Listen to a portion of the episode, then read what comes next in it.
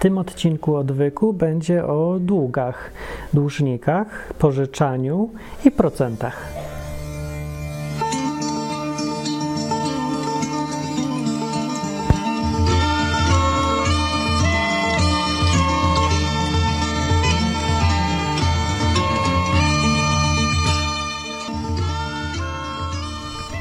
Dzień dobry. Martin Lechowicz. Dzisiaj będzie prosty temat z Biblii o długu i pożyczaniu i odsetkach. I e, nagrywam to dalej z Hiszpanii, ale będę tutaj do końca maja tylko 2020 roku, bo już mi obrzydła ta cała Hiszpania, która się zmieniła w więzienie paskudne. Pogadajmy o pożyczaniu w Biblii, czy wolno, czy nie wolno, przede wszystkim, bo to wszystkich interesuje, chociaż jest najmniej ważne. Ale proszę bardzo, ja Wam powiem teraz i wyjaśnię. Trzeba zacząć zawsze od prawa mojżeszowego. Tam są zasady sprawiedliwości, tego, co jest grzechem, nie grzechem, co trzeba robić. I tam o pożyczaniu jest, są słowa następujące, że można pożyczać, ale bratu, czy tam sąsiadowi swojemu, nie można pożyczać na odsetki, na lichwę, to się tam mówi, yy, czyli odsetek brać od tego, co się pożycza. Czyli można mu pożyczyć stówę, i on ci oddać ma stówę, ale obcemu można. Na obcym można zarabiać odsetkami od kapitału. I tutaj jest dyskusja, y, czy to ma sens i jak to dzisiaj rozumieć, bo to jest y, szczerze mówiąc bez sensu.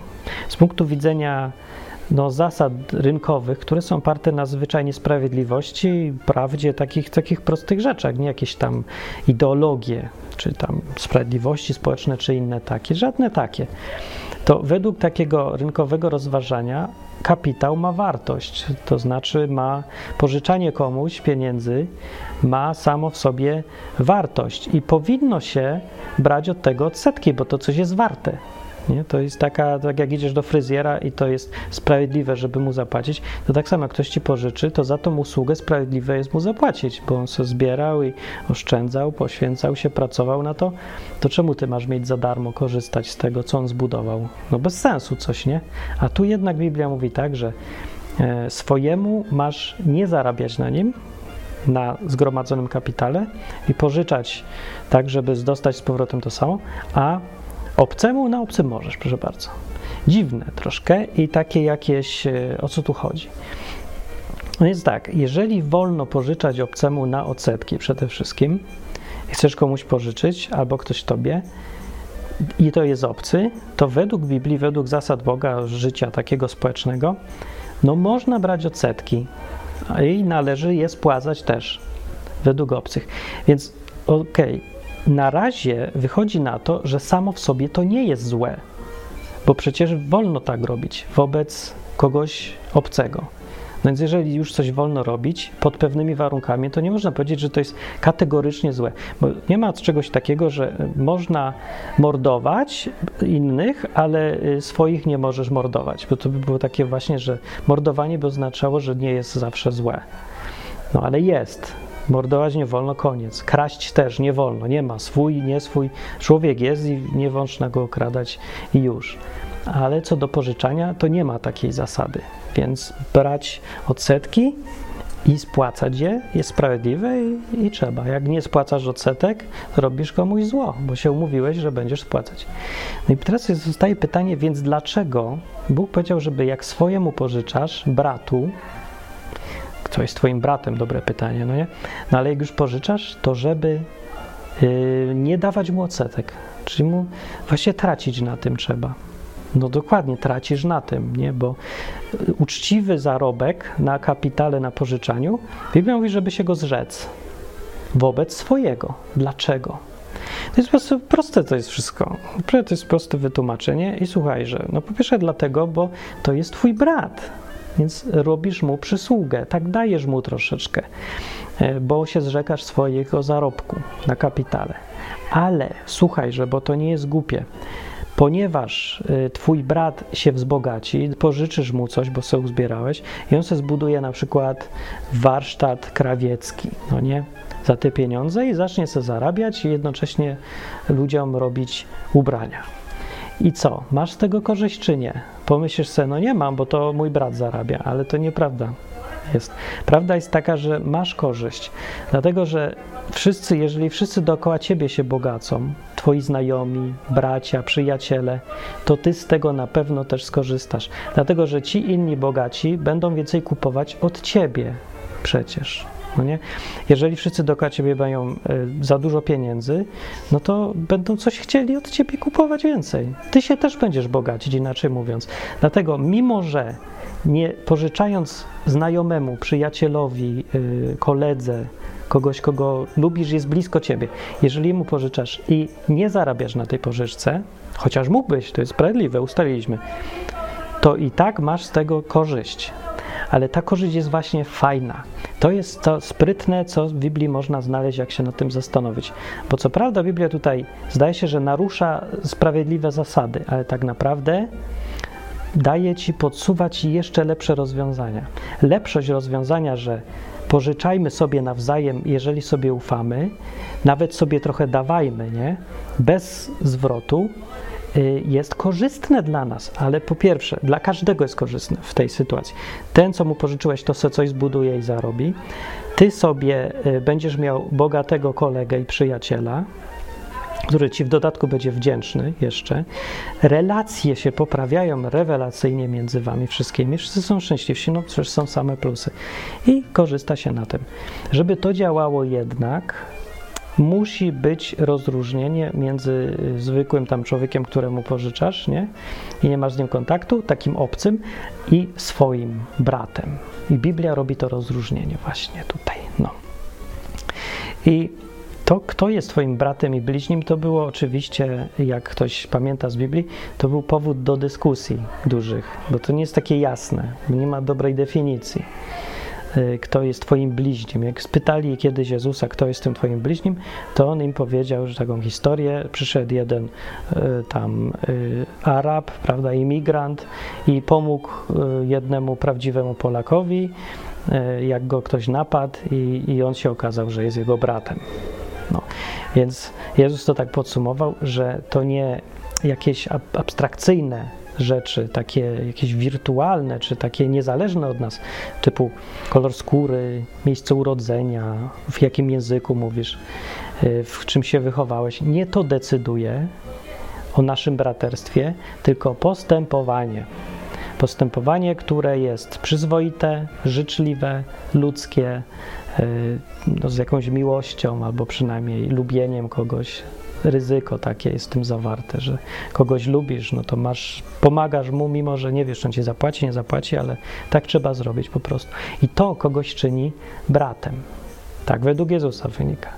Jeżeli to wziąć tak do kupy, to chrześcijanie wychodziłoby na to, że zaleceniem Boga tutaj, jeszcze ze Starego Testamentu, nie, byłoby, żeby sobie między sobą, jak się pożyczamy, to zrzekać się y, należności za tą pożyczkę. Fajnie wiedzieć może, tylko że po co nam to wiedzieć, kiedy nagle y, tak sobie myślę, bo ja gadam do was, tak jakbyście wszyscy milionerami byli, nie? I teraz myślimy sobie, no jakby tu pożyczać innym, a tak naprawdę większość z nas ma problem z tym, że to my chcemy pożyczać, czy, czy nie. Czy taka bida kwitnie, czy nie? No nie wiem. Jeden ma tak, drugi tak. Poza tym, w zależności od warunków życia, raz pożyczasz ty, a raz tobie pożyczają. Ale zwykle my pożyczamy. I tutaj dochodzimy do problemu głównego naszych czasów. Nasze czasy są nienormalne, absolutnie, kompletnie i teraz trzeba wszystkie rzeczy z Biblii przetłumaczyć na dzisiejsze. Przede wszystkim, już Wam powiem, na czym, dlaczego tego wszystkiego, co jest w Biblii, nie da się zastosować dzisiaj tak łatwo. No, może w ogóle nawet. Rzeczy o pożyczaniu. Ja Wam powiem, to jest na przykład 5 euro. Co to jest 5 euro? To powiesz pieniądz. Ale ci powiem, nie, to nie jest pieniądz. To w, to w ogóle nie jest pieniądz. Pieniądz to jest to, o, to tu mam pieniądz. To chyba kiedyś pokazywałem, jak wygląda pieniądz, bo już nikt nie pamięta. To jest pieniądz. To jest kawałek złota, monety, jedna uncja z jakimś tam wydrukiem i o, to jest pieniądz. Ten, o czym mówili w Biblii o pożyczaniu, mówili, żeby pożyczać pieniądz albo coś wartościowego, coś, co ma wartość. A to, co pożyczasz, to ty nie pożyczasz pieniądza nikomu. Pożyczasz, pożycz mi 5 euro, proszę bardzo. Tylko, że ja nie pożyczam pieniądza. To co ja pożyczam? No a co to jest 5 euro? 5 euro to jest dług. To jest też pożyczka. To jest pożyczka. Bank y, mi pożyczył. Ja pożyczyłem od banku i to jest obietnica, że bank mi odda za ten papier, nic nie warty, śmieć, że mi kiedyś odda yy, pieniądz, złoto. Znaczy tak było do roku, do połowy XX wieku, a potem banki postanowiły wszystkich okraść, co tak trzeba nazwać, i stwierdziły, że wycofują się z tej obietnicy i teraz ten pieniądz, znaczy ten pieniądz, banknot, czyli obietnica, że dostanę coś za to, nic nie dostaniesz za to, już, to już tylko jest papier i pieniądz, obietnica absolutnie niczego.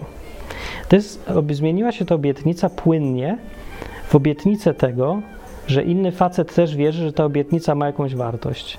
Inaczej mówiąc, e, system, który kiedyś opierał się na pieniądzu fundamentalnie takim, złotym, prawdziwym czymś, a dług był pod to właśnie złoto czy coś innego, zmienił się ten system w system oparty na kompletnym kłamstwie. Bo ludzie z odruchowo, z rozpędu dalej myślą, że bank ma pieniądze, czyli że nie wiem, złoto, coś ma i że te jego papierki, które kiedyś były obietnicą pieniądza, dziś są dalej obietnicą pieniądza. Naprawdę nikt nie rozumie już, co to jest pieniądz, bo on zniknął, nie ma już pieniądza. Teraz zostały obietnice, które są puste. Obietnica, która jest pusta, jest kłamstwem zwyczajnie. Że ja ci obiecam, że nie wiem, zrób coś dla mnie, a ja ci oddam, a ja ci za to dam y, kopiec kościuszki. Nie? To, to jeżeli ty wierzysz, że ja ci mogę oddać kopiec kościuszki, to ty mi będziesz jakieś usługi dawał, czy coś będziesz mi wierzył. No i będzie to działać? No będzie działać. Ja będę zadowolony, bo mi będziesz dał usługi i będzie się coś tam kręcić. I jest tylko problem w tym, że ja kłamię. Jest kłamstwo, przecież ja nie mam kopca kościuszki nie dam ci. Tak samo kłamią banki. No, tutaj nie jest program o tym, żeby teraz e, nienawidzić banków czy coś. Ja tylko mówię, jak wygląda sytuacja, bo ona zmienia kwestię moralności i kwestie zasad Biblii. Kiedy Biblia mówiła o pożyczaniu, żeby brać za to e, procent, to nie mówiła o obrocie długiem, który jest poparty innym długiem, który jest pustą obietnicą, za którą nie stoi absolutnie nic. Oprócz tego, że wszyscy wierzą w to kłamstwo. Jedynym fundamentem dzisiejszego świata pieniędzy jest wiara w kłamstwo. Wprost. To się wszystko do tego sprowadza i póki wszyscy wierzą w kłamstwo, do tego dotąd jesteśmy w jakiejś stabilności i wydaje nam się, że coś mamy. I mamy. Tyle, że wszystko, jak mówię, jest oparte na kłamstwie, które w momencie, kiedy pryśnie i przestanie być zaufanie, że to za to 5 euro ktoś ode mnie, jak mu wydam 5 euro, to za to dostanę ciastko. Jeżeli ten gość, co produkuje ciastko, nie weźmie od tego 5 euro, bo nie wierzy już w te kłamstwa, to ja zostanę z pieniądzem nic nie wartym. I to jest coś, co nas czeka akurat w najbliższym czasie, czego ludzie oczywiście no nie wiedzą i nie czują, bo skąd mają wiedzieć i czuć. Do tego trzeba ogarniać cały ten system finansowy, rozumieć, co to są te papierki i tak dalej. Co nikt nie ma czasu, nikt nie ma ochoty, nikogo to nie obchodzi, bo każdy jest zadowolony, że idzie do sklepu i coś kupuje. Problem polega na tym, że w którymś, któregoś dnia pójdziesz do tego sklepu, a tam będzie taka kolejka i nie kupisz. Albo pójdziesz do tego sklepu i tam ci będą wydać po jedną rzecz naraz. Albo pójdziesz do tego sklepu, a tam wszystko będzie 15 razy droższe, albo coś tam, dwa razy najpierw, potem trzy razy, potem strasznie drogie. Y, I wtedy nagle się zorientujesz, że coś tu nie gra. No ja wiem, co tu nie gra i mówię właśnie, wyjaśniam, co tu nie gra. Problem na tym polega, że ludzie nie wiedzą i Ci, co wiedzą, będą mieć przewagę, bo będą rozumieć, co się dzieje i wcześniej zdążą zareagować. Co to ma wspólnego z pożyczaniem? Pożyczanie stało się częścią życia, której się nie da uniknąć, bo jeżeli obracasz pieniędzmi i masz złotówki i nadpatronujesz ten program na przykład, albo dajesz co łaska, to nie dajesz mi pieniędzy tak naprawdę, tylko dajesz mi dług. Kawałek długu, który ty masz, czyjś dług dajesz mi, teraz ja go mam i tak dalej. Wszyscy się u wszystkich zadłużają. I to, co dziś uważamy za pieniądz, jest tylko zadłużeniem, które sobie przekazujemy. Zadłużenie się mnoży cały czas i z pieniądzem staje się więc kolejne rzeczy, kolejne długi, na przykład, nie wiem, obietnica, o na przykład widzicie, to jest pieniądz, to ten kawałeczek złota i w świecie to działa tak, że takiego złota praktycznego, fizycznego to nie ma prawie nikt. Natomiast tak 10 razy więcej ludzi niż to złoto, może 100, ma papiery, które są obietnicą tego, że ktoś kiedyś gdzieś wydobędzie na przykład albo wyprodukuje taki kawałek pieniądza. I obraca się już potem tymi papierkami i jedni go kupują, drudzy sprzedają i to funkcjonuje jako znowu pieniądz. Pieniądz równa się dług dzisiaj. Jak teraz, się pytam po tym wstępie, rozumieć słowa z Biblii pod tytułem nie bierz procentu za to, co komuś pożyczasz. Jeżeli samo to, co masz, już jest długiem, od którego płacisz i tak procent. Te pieniądze z racji tego, że właśnie są tylko długiem i yy, dłużny nam jest jakaś instytucja, bank centralny, czy bank polski, czy co tam, bank europejski, wszystko jedno, ta y, instytucja już nam pożycza na procent, a to jedyne, co my możemy teraz pożyczyć, to pożyczyć dług tej instytucji i też musimy uwzględniać ten procent, który my musimy już spłacać. Skomplikowana ta rzecz y, sprawia, że nie za bardzo w ogóle można wrócić do biblijnych zasad, bo one są, stają się bez sensu. One dotyczyły pieniądza, który ktoś miał. Że jak ktoś miał chce złoto, to to złoto nikt mu nie mówił, ile to złoto jest warte. Nie narzucał mu tego i nie kazał mu płacić odsetek. Złoto nie podlegało też żadnej inflacji, ani żadnym takim ograniczeniom kapitału. Nie szedłeś do bankomatu wypłacać złoto. Albo masz, albo nie masz. Nie? No. I więc no, tamte zasady dotyczyły prawdziwych wartości, a dzisiejszy świat nie opiera się na wartości, opiera się na kłamstwach i obietnicach. No czy obietnica, które czasem się ktoś wypełnia, a czasem nie wypełnia, wtedy to są kłamstwa, ale na obietnicach. Więc tutaj macie, w Biblia mówi o wartości, a dziś mamy obietnicę. Czy da się jedno na drugie tak przełożyć, jeden do jednego? Czyli te zasady dotyczące wartości, że na przykład nie będziesz brał procentów, czy one dotyczą obietnic, którymi handlujemy? No nie, nie da się, bo tu wychodzi, mówię, absurd. Wychodzą rzeczy, które na końcu się okazują zupełnie niesprawiedliwe, niesłuszne i nie robią tych samych efektów. Bo rozumiecie, że te zasady z Biblii, one były dane po to, na przykład, żeby od swoich nie brać. Yy, jak pożyczasz komuś bratu czy coś, żeby nie brać od niego procentu i żeby ogólnie mu tak odpuszczać często, nie? Pamiętaj, że to jest brat, że jego zysk jest twoim zyskiem, no nie? Ale w sytuacji, kiedy obracamy tylko obietnicami, to nie działa. Inaczej mówiąc, jak nie będziesz brał odsetek, od pożyczek, które dajesz, to nie będzie tego samego efektu, co by był wtedy. Bo wtedy efektem było to, że tak, twój kolega się wzbogaci, ty się bogacisz, on od ciebie kupuje, wszyscy się bogacicie, wszyscy macie y, lepsze stosunki między sobą, same plusy. W dzisiejszych warunkach nie będzie tych plusów. No bo będzie, problem się okaże taki, że ty dopłacasz wszystkim, a wszyscy, korzystając z tego, że to też jest kredyt, zarabiają tylko na tobie. Nikt się nie bogaci. Z czasem wszyscy, wszystkim ucieka wartość tych pieniędzy, którą wyżera inflacja. E, no i obietnice, z których większość jest zwyczajnie nieprawdziwa i niesłuszna, my przenosimy na innych, dając im te pieniądze. Więc tak naprawdę w jakimś sensie robisz komuś krzywdę. No, dzisiaj tego nie widać tak dokładnie, póki się nie obraca pieniędzmi więcej, ale na przykład gdybyś miał więcej pieniędzy i pożyczał to komuś i za 10 lat miał e, ci ten ktoś dać tyle samo, to tak, po pierwsze ty stracisz, bo inflacja wyżre to, a po drugie on zostaje z obietnicą, która jemu wyżera wartość. Czyli pieniądze podlegające inflacji, czyli tracą wartość z czasem, on je ma teraz i ty jemu dałeś te pieniądze, a sam y, sobie kupiłeś tam coś, co nie traci wartości. Inaczej mówiąc, wszystko co toksyczne dałeś swojemu przyjacielowi. I on się w końcu zorientuje, że ma pieniądze od ciebie, musi je spłacić, a cały czas mu tracą wartość. Więc mówię, póki ten efekt nie jest taki silny, albo go tak mało widać dzisiaj, to ludzie nie są tacy źli na siebie na przykład, ale ogólnie będą coraz bardziej zirytowani, bo ten efekt musi się nasilać. W związku z tym, co robić? Pytanie dzisiaj. Otóż ja nie mam bladego pojęcia, bo wszystko, co byś zrobił, będzie złe. Jeżeli wprowadzimy sobie dziś zasadę, pożyczaj wszystkim, no to musisz dodać do tego na procent, niestety, bo to, co pożyczasz, już jest obarczone procentem, więc po prostu go tylko komuś dajesz. W ogóle się tego nie da uniknąć.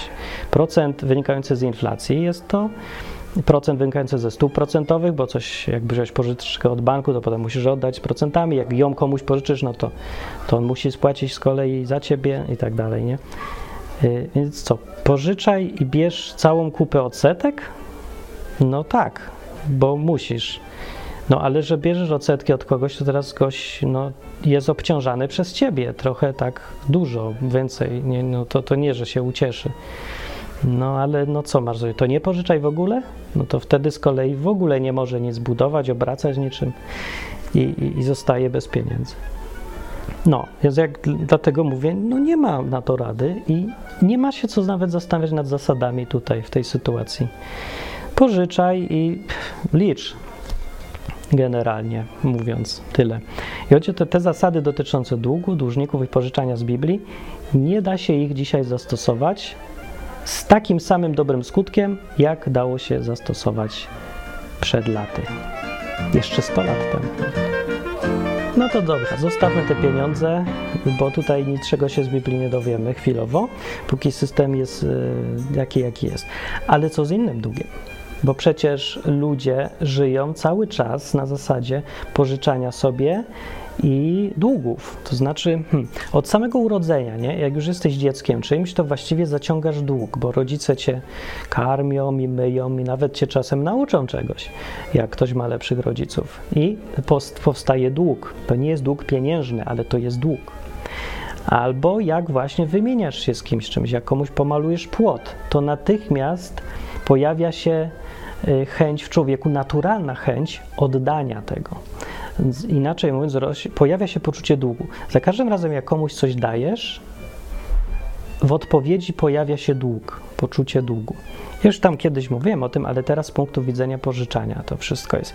Dlatego na przykład w przypowieściach Salomona jest bardzo ciekawy fragment, który mówi tak: Jak dajesz ubogiemu, to pożyczasz Bogu, pożyczasz Panu.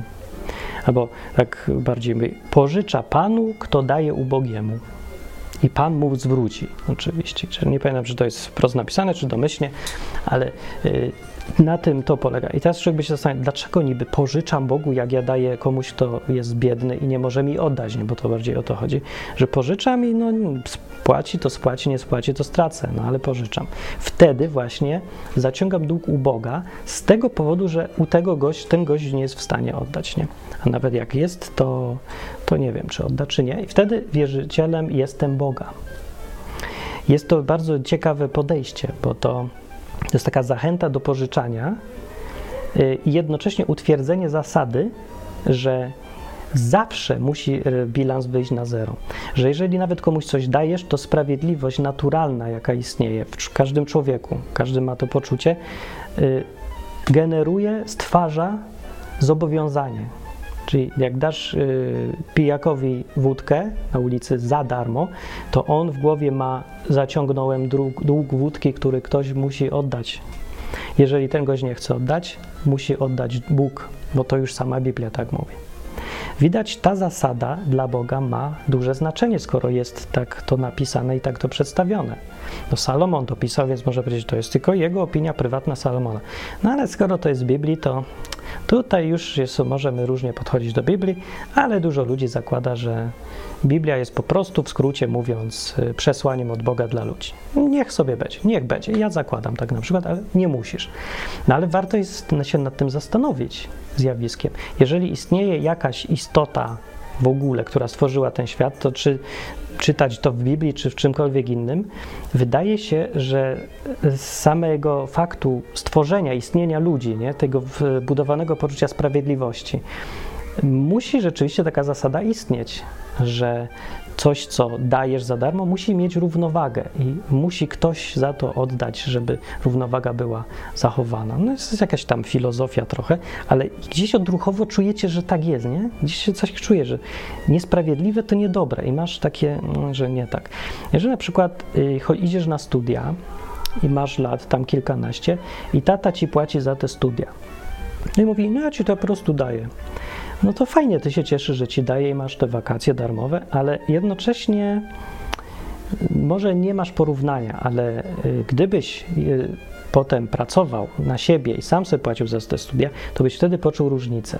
W pierwszym przypadku masz wbudowane, głębokie, rosnące poczucie zobowiązania wobec taty, który płaci ci za studia. W drugim wypadku nie masz. I ponieważ y, no, na całe nieszczęście dzisiejszego świata współczesnego większość młodych ludzi od urodzenia do czasem do zawsze wychowuje się z istniejącym bez przerwy poczuciem zadłużenia, to nie jest w stanie nawet zauważyć, że jest coś nie tak, że ma cały czas dług, że cały czas ludzie są dłużnikami i żyją w tym poczuciu długu, i to tak znormalniało, że wydaje się, że to jest normalne. Ale to nie jest normalne. Wolny człowiek, uczciwy człowiek, sprawiedliwy człowiek, yy, kiedy już zaczyna sam żyć i mieć coś sam, to zaczyna natychmiast czuć to porównanie i czuje różnicę, że ja już jem swój chleb, za który sam zapłaciłem, ja już mieszkam w domu, za który sam zapłaciłem i wtedy, kiedy przychodzi tata i chce mi płacić za ten dom, to ja już czuję, nie mogę tego zrobić, bo to wywoła we mnie poczucie długu i zadłużenia i to jest bardzo złe poczucie. To sprawia, że człowiek e, odbiera to człowiekowi jego godność, podmiotowość. I właśnie to jest ważne, i to już można wyczytać w Biblii, to jest uniwersalna zasada, że człowiek, który ma dług wobec kogoś, jest niższy, jest, y, no jest pod jakby. Ma to zobowiązanie, poczucie niższości uzasadnione niestety. To nie jest, że o nie, ja się czuję, jestem biednym Polakiem i czuję się, że jestem gorszy. To nie, nie o to chodzi, bo to, to, jest, to jest tylko taki przesąd i uprzedzenie. Ale tutaj masz prawdziwe zadłużenie. Ktoś ci daje, a ty mu nie oddajesz. No, no, tu się już nie da wyłgać od tego. I gdzieś ta psychika człowieka wie to. My sobie możemy wmawiać ideologii ile chcemy, ale w środku rośnie takie dziwne poczucie gorszości, które reaguje, często rodzi wkurzenie. Takie inne słowo jest na to, ale podobnie się zaczyna wkurzenie, powiem. O, dobra. I ta złość gdzieś tam szuka sobie jakiegoś uzasadnienia, no i się potem znajduje, że na Żydach, na bankierach, na, na państwie, na prawicy, na lewicy to się wszystko y, potem wylewa na nich, bo gdzieś czujemy, że jesteśmy gorsi, ale nie możemy tego zaakceptować i znajdujemy sobie uzasadnienie. No ja dlatego tak żyję, bo mi zabrali, bo mi nie, bo uniemożliwiają życie, bo oni mają, a ja nie mam i tak dalej ale to gdzieś podstawą tego jest niesprawiedliwość i dług, dług ciągle będący długi, rosnący. W Biblii znajdziecie na przykład takie definicje yy, tego, kto, co jest błogosławieństwem, a co nie. I tam bardzo często, jak są definicje błogosławieństwa, to jest taki zwrot, albo takie zdanie, że ten, komu Bóg będzie błogosławił, kto będzie szczęśliwy, zadowolony i w ogóle w życiu będzie miał fajnie, to ten będzie pożyczał komuś, a on nie będzie pożyczał od nikogo. I odwrotnie, jeżeli stracisz yy, przychylność Boga i jeżeli ci będzie źle w życiu, jeżeli będziesz ukarany, to wtedy będziesz w takiej sytuacji, że to ty będziesz pożyczał od kogoś, a ty nie będziesz pożyczał nikomu. Inaczej mówiąc, jest tu ewidentnie zasada w Biblii, że człowiek ten wyższy i błogosławiony pożycza, a człowiek, który jest niebłogosławiony, pożycza od kogoś. A ten, co jest błogosławiony, pożycza innym, bo ma. I zarabia ewentualnie nawet na tych innych. Ale jak nawet nie zarabia, to sam fakt pożyczania już tworzy jakiś dług i zobowiązanie. No i stąd y, możecie to zresztą na wszystkie y, poziomy życia społecznego przenieść. Od jednostek, że człowiek z drugim człowiekiem, do rodzin, że ojciec rodziny utrzymuje rodzinę, nie? A, rodzina zawsze czuje się niższa, bo od niego bierze.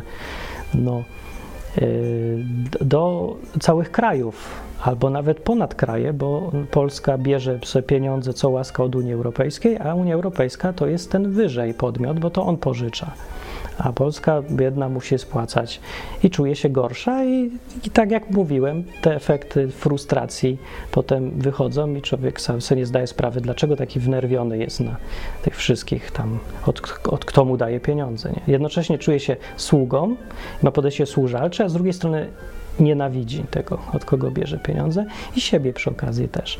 I większość ludzi nie rozumie.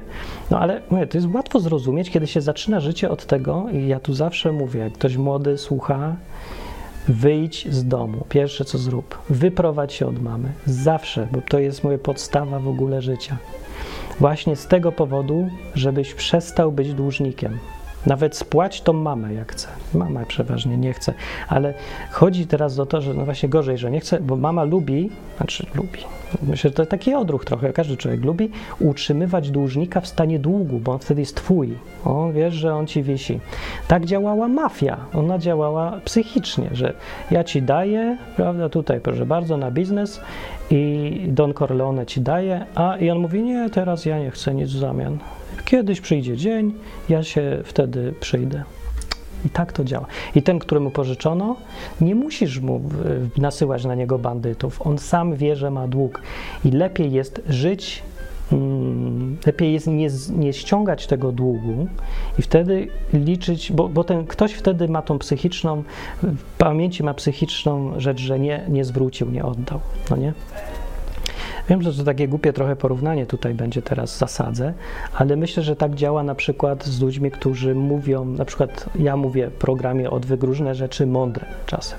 Przynajmniej dla wielu ludzi są pomocne i przydają się w życiu, nie? I teraz to jest to samo. Ja tu zgeneruję dług, hamem jestem takim, burokiem i jest ten dług, nie? Że człowiek wie, no, przydał mi się ten odwyk i Martina gadanie, tyle się nauczyłem, a nic mu nie dałem. No. I niektórzy dlatego właśnie no, dają mi i w ten sposób wyrównują ten swój dług psychiczny nie po, i nie mają w głowie już, że ja coś jestem winny, że już jesteśmy fajnie partnerami i ja się cieszę, bo mogę prowadzić program i też rozumiem, nie? bo to też jak głupio jest przyjmować pieniędzy. Ja nie lubię, ja bym wolał sam sobie pracować. Nie lubię, że się długi robią, w ogóle długów nie lubię, ani w jedną stronę, ani w drugą, no ale mówię, są nieuniknione. No ale właśnie rozumiem, że, że ci ludzie, którzy tak naprawdę płacą na odwyk albo płacą za y, filmy, które oglądają zamiast ściągać z torrenta nie, za darmo, to wolą zapłacić na Netflix. Dlaczego ludzie wolą płacić na Netflix, jak mogą sobie za darmo ściągać? Dlaczego? Bo nie chcą mieć długu, bo są bardzo spoko ludzie. Mają tą sprawiedliwość gdzieś budowaną, mają, rozumieją ją na tyle, że wiedzą, że nie chcą się czuć jak, no, jak człowiek z długiem bo ten dług niedobry jest. Niedobry jest dla psychiki i trzeba z niego wyjść. I bardzo nieprzyjemne są y, skutki życia w długu. Teraz Wam powiem z praktyki, bo to z Biblii, co już wiecie, to już wiecie. No. Więc krótko mówiąc, y, co do pożyczania na procent czy coś, to tutaj nie za bardzo da się zastosować. Po prostu już traktuj to jak biznes i nic więcej, bo nie ma jak do tego podejść inaczej za bardzo moralnie. No, znaczy ogólna zasada i tak jest taka, że jak ktoś jest twoim bratem i lubisz go, to mu po prostu no, nie, nie wymagaj od niego takiego znowu oddawania. Z drugiej strony, no, robi mu się też trochę krzywdę, jak się komuś daje za darmo, albo mniej niż mu się, niż, mniej on ma oddać niż, niż to wynika z rachunku, bo on się czuje teraz, no, że jałmużnę dostał. Więc no taka śliska sprawa. No nie, no dobra, ale to już żeśmy obgadali, że tu z Biblii się dużo nie dowiemy w kwestii długów. E, długi psychiczne to jest ważna rzecz i tutaj istotą sprawy jest, jeszcze raz podsumuję, to, że błogosławieństwem Boga jest pożyczać innym i dawać innym, spodziewając się zwrotu albo nie spodziewając się zwrotu, jak już uważasz to jest błogosławieństwo, a jeżeli ty musisz pożyczać, to to nie jest błogosławieństwo, to jest, y, to jest, to jest źle. To jest źle. I to jest y, powód, żeby bardzo chcieć wyjść z tej sytuacji. Bo w praktyce, przechodząc teraz z zasad do praktyki, bo te zasady muszą być zawsze związane z realnym życiem. W praktyce ja znam ludzi, którzy mieli długi masę. Znam też ludzi, którzy innym pożyczali. Sam też pożyczam. Nie pożyczam od nikogo, chyba że, nie wiem, jakieś tam pożycz na chwilę 5 zł, to tego typu, nie? Ale nie brałem pożyczek, nigdy nie miałem kredytów, nie brałem kredytów i nie chcę brać. Właśnie z powodu tego obciążenia psychicznego może, a z powodu tego też, że, że kredyty są w ogóle niebezpieczne i tylko wtedy można brać, kiedy się za nie buduje coś, co przynosi zyski. Inaczej mówiąc, kredyty na inwestycje mają tylko jakikolwiek sens. Jak chcesz kupić lodówkę, to nie wolno brać kredytu, to jest czysta głupota, to jest nie ma nawet jak tego nazwać inaczej niż tylko głupie i złe. Robisz sobie krzywdę, robisz wszystkim krzywdę. Nie stać cię, to nie kupuj, koniec. Poczekaj, zarób, ale nie kupuj nigdy na kredyt. To jest jak oddawanie prawa do siebie komuś innemu, jakby oddawać się w niewolę zupełnie bez powodu i za darmo. Nie, nie. nie masz, to nie masz. Zaakceptuj fakt, że, że nie masz, a nie y, obchodź rzeczywistości, że co prawda ja nie mam, ale mogę tak wykombinować, że będę miał. No nie możesz, no, bo dług jest, mówię, gorszy niż y, nie mieć. Gorzej niż nie mieć jest mieć dług. O to mi tu chodzi. Psychicznie więc ci ludzie, których widziałem, co mieli długi i żyli z nimi latami, oni byli zdewastowani psychicznie. Strasznie trudno psychicznie im było wyjść z długu. Oni byli strasznie głodni też, to była zasada też, byli głodni sukcesu, czy jakiegoś zarobku, żeby mogli już mieć te pieniądze i mieć dla siebie. Bo psychicznie y, przeważnie dług jest tak to skonstruowane, że musisz oddawać. Jak już go masz jakiś czas, to płacisz albo odsetki, albo w końcu cały ten dług musisz oddać. Przeważnie jedno i drugie. I ta świadomość, że zarabiasz potem i zawsze część z tego oddajesz komuś, komu wisisz, jest okropne dla psychiki, bo cały czas masz świadomość, że nie jesteś na zero w ogóle, tylko jesteś poniżej zera. I ten stan poniżej zera jest dobijający, bo człowiek, który nie ma nic, jest naprawdę bardzo szczęśliwym człowiekiem, zwłaszcza w dzisiejszych czasach. Człowiek, który ma długi, jest, jest typowym przedstawicielem dzisiejszej ludzkości i on jest poniżej zera. On to gdzieś czuje. Za każdym razem, kiedy oddaje te, te raty, spłaca czy coś, zawsze zostaje mu jakaś mała część z tego, co zarabia.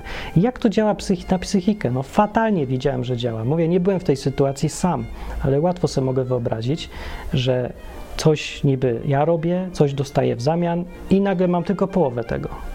I reszta po prostu znika.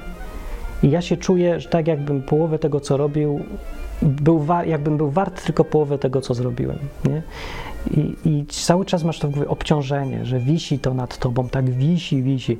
Tak mi mówili ludzie, że czują to, że tak, to tak wisi. I jedyne o czym marzyli, ci ludzie, co byli już długo w długu, i ja tak z nimi gadałem, to zawsze się powtarzało, że ich największym marzeniem życia, najpilniejszym, najbardziej potrzebną potrzebą jest być na zero. Jest tylko nie mieć długów. Reszta w ogóle się nie przejmuje. To być zdrowym i nie mieć długów. Nic więcej nie potrzeba w życiu człowiekowi. No. Więc ja bym tutaj wziął to jako ostrzeżenie, żeby kredytów nie mieć, a jeżeli bym chciał mieć, to zawsze tak, żebym mógł je spłacać realnie w najgorszym możliwym scenariuszu nawet. Przy czym nie da się tego zrobić już dzisiaj za bardzo, bo już każdy kredyt grozi nieobliczalnymi konsekwencjami w sytuacji, kiedy pieniądz jest na granicy y, zniszczenia po prostu no, akurat takie czasy. To jest fajny moment do nagrywania o długu. 5 maja 2020, y, rok przed rozpoczęciem kryzysu. Gdzieś nie wiem, czy rok akurat, ale z grubsza tego kryzysu takiego. Będzie jeden kryzys, tak jak kiedyś się mówiło, wielka wojna. Wojen było w Europie pełno, ale jak już przyszła ta pierwsza wojna światowa, to się mówiło po prostu wielka wojna albo wojna. I każdy wiedział, o którą chodzi, bo przy wszystkich innych bo ta jedna, przy wszystkich innych, one, tamte one były, nic nie znaczyły. One były jak cień wojny. A ta była taka the wojna, taka ta wojna przez duże W. I teraz, jak ja mówię o kryzysie, to będzie kryzys przez duże K. To się mówiło wielki kryzys w 1933 i tak dalej, okolicach. To się będzie mówiło wtedy już kryzys z XX wieku. A o tym, co będzie, będzie się mówiło ten kryzys po prostu. Wielki, super wielki, największy, niewyobrażalny, który tak naprawdę nie jest kryzysem, tylko konsekwencją tego, że wszystko oparte jest na zupełnym kłamstwie, absolutnym, bezwartościowym papierze, którzy ludzie uważają za pieniądz tylko dlatego, bo inni ludzie go uważają za pieniądz, a ci wszyscy ludzie generalnie mają wbite do głowy z historii, że banki coś mają pieniądze mają jakieś i one pieniądze to mają wartość.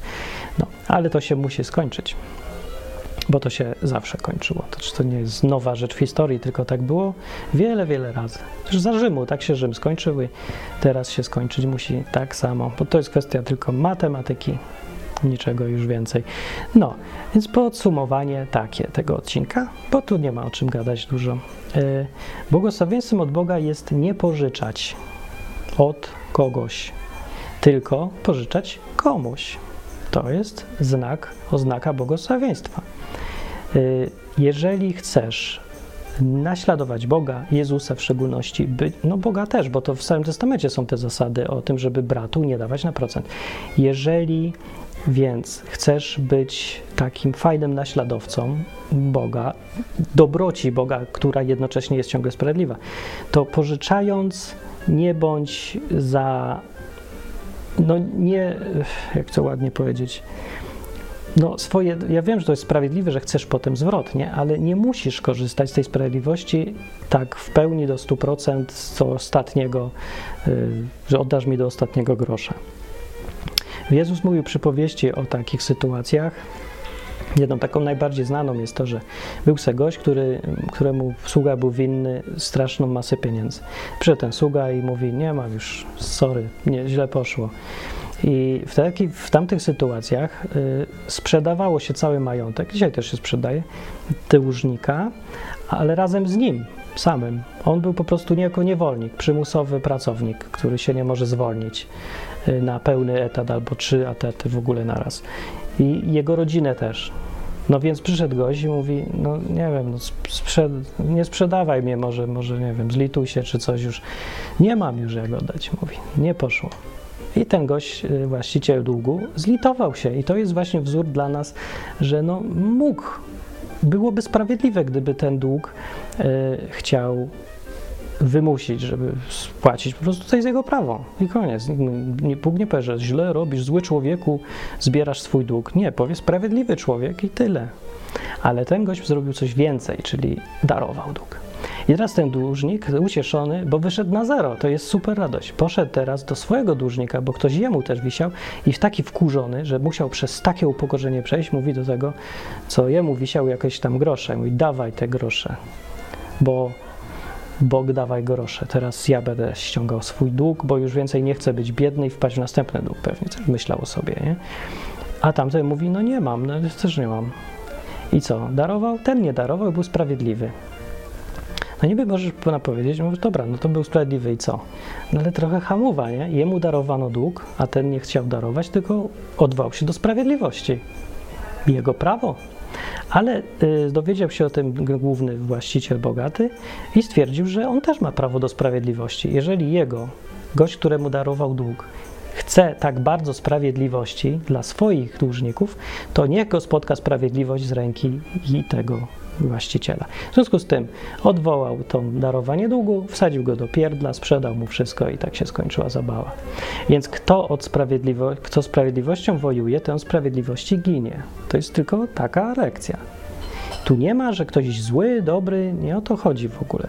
Po prostu jest niebezpiecznie bywa żądać zwrotu długu. Często.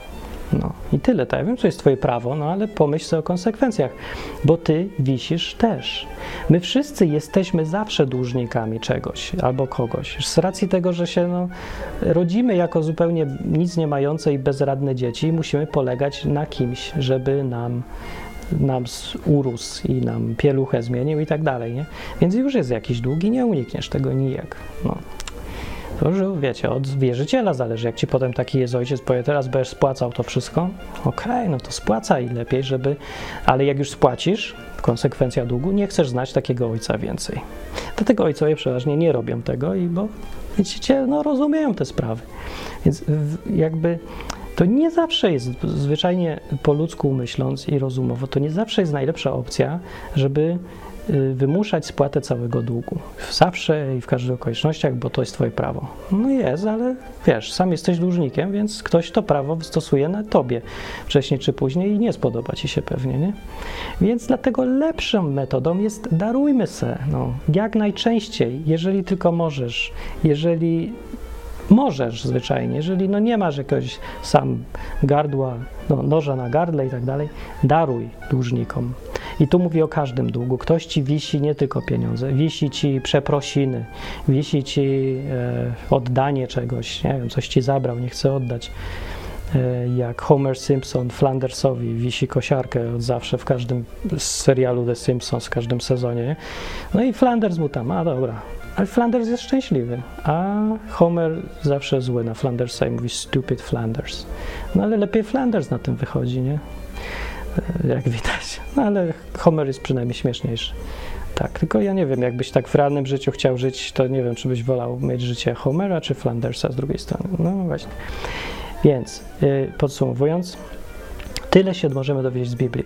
Yy, pożyczka jest normalną częścią życia, bycie dłużnikiem jest stałą częścią życia, w ogóle nieuniknioną.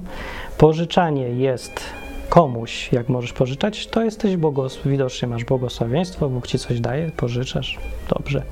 Masz więcej możliwości, yy, zaciągają u ciebie dług wdzięczności ludzie. Dużo plusów. Jeżeli ty musisz pożyczać, to coś nie poszło, no i wyrwij się z tego, jak tylko możesz. Jeżeli ktoś tobie wisi coś, dług nie tylko pieniężny zwłaszcza, daruj mu, jak tylko możesz. Yy, nie tylko, że będziesz naśladowcą fajnym Boga, i Jezusa w szczególności też, ale będą z tego po prostu dobre efekty. Często. Zależy, bo no mówię, różne są sytuacje w życiu i widzicie w tej przypowieści Jezusa ten y, bogaty, co najpierw niby odpuścił, potem nie odpuścił. I dobrze, jego Bóg stawia za wzór. Znaczy to, ten gość to był w ogóle Bóg, nie? Reprezentuje Boga. Super bogaty człowiek, któremu ktoś wisi, on mu darował, a potem stwierdził, nie, jak ty nie darujesz innym, to ja tobie też nie. I co? Jezus mówi, co za wstrętny typ, najpierw darował, potem chciał dług. O nie, co to za sprawiedliwość społeczna w ogóle. Gdzie tu duch socjalizmu? Nie, Jezus nie mówi, mówisz bardzo spoko. Więc bywają i takie sytuacje. I może zrób tak. Ja raz, ja muszę się często zastanawiać nad tym, czy komuś darować, czy nie. No, był napad karaczanów kiedyś na odwyk. Przeszkadzali po prostu żyć, gadać, rozmawiać, byli, no, no dużo złego narobili przy okazji, nie? E, no ale też mam, mam okazję, bo zebrałem, głupki były i zostawili po sobie wszystkie ślady, numery IP. Wystarczyło zgłosić to wszystko do prokuratury, jak leci. I myślę sobie, zgłaszać, nie zgłaszać. Raz zgłaszam, raz nie zgłaszam. No ale widzicie, akurat w tamtej sytuacji ewidentnie Bóg zainterweniował, bo ja już byłem z palcem na guziku, ale gdzieś coś jakoś się starzyło, że ja sobie przypomniałem te wszystkie rzeczy i myślę, w tym wypadku ja czuję, że lepiej będzie odpuścić im i zagadać. I odpuściłem, zagadałem, powiedziałem, że a mogłem, ale nie będę tego robił wam, bo chcę z wami gadać jednak.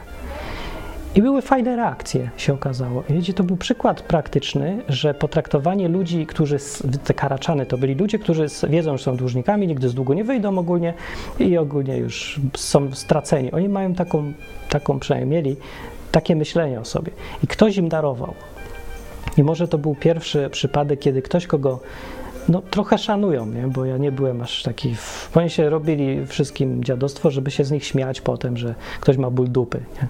A ja nie miałem bólu dupy, no, po prostu byli wredni dla mnie, ale to reagowałem jak człowiek, ale bez, że oburzam się o byle co, bo ktoś powiedział, Jan Paweł II, coś tam małe dzieci. No, się oburzać na takie, no, na dzieci, nie? No się bawią, jeśli dziecko pluje, to, to nie, no nie, nie wzywasz go na pojedynek, jest dziecko. Po prostu dajesz mu po dupie i ewentualnie albo tłumaczysz, albo coś, nie? No, więc nie, nie była to jakaś rzecz taka nie, no, no, jakaś zasługa moja czy coś. Dobra, ale efekt był taki po tym darowaniu, że wielu z nich zaczęło słuchać odwyku i gadać po ludzku i zagadywali do mnie i byli fajni ludzie, się okazało. I jakoś im zmiękło. Przestało im się chcieć, już ich to nie bawiło. Niektórych, nie ci, co gadali ze mną, to widzę, a już nie chcą się bawić w te głupoty już.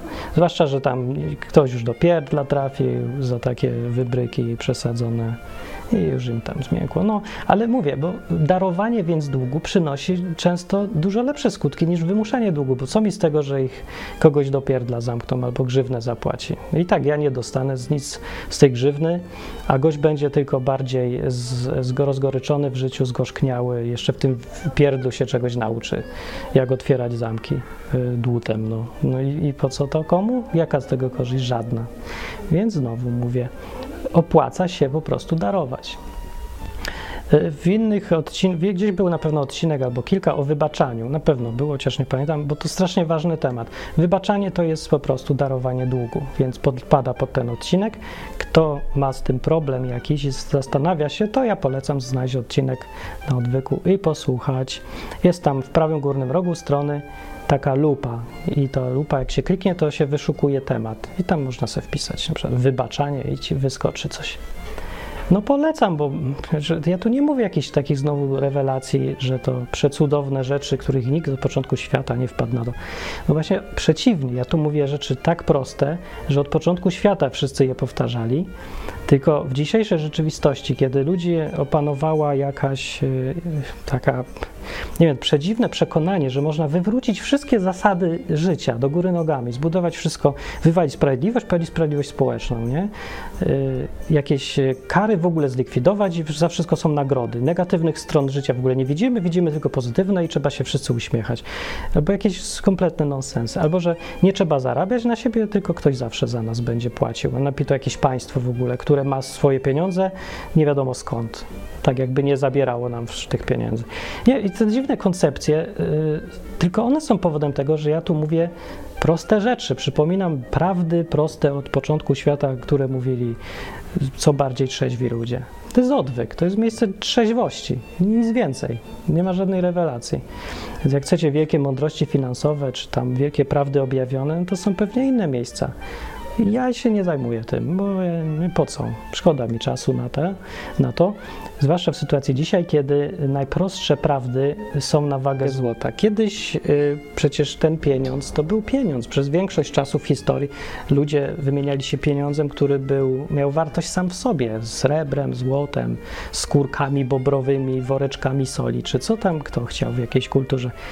I to było przez prawie cały czas historii ludzkości. No 99% czasu istnienia ludzkości. Dopiero ostatnie 100 lat, nawet mniej, ludzie używają pieniędzy papierowych opartych na obietnicy, nie? I która jest pusta w dodatku, bo mniej niż 100 lat jest pusta. I to, to jest taki ułamek czasu historii.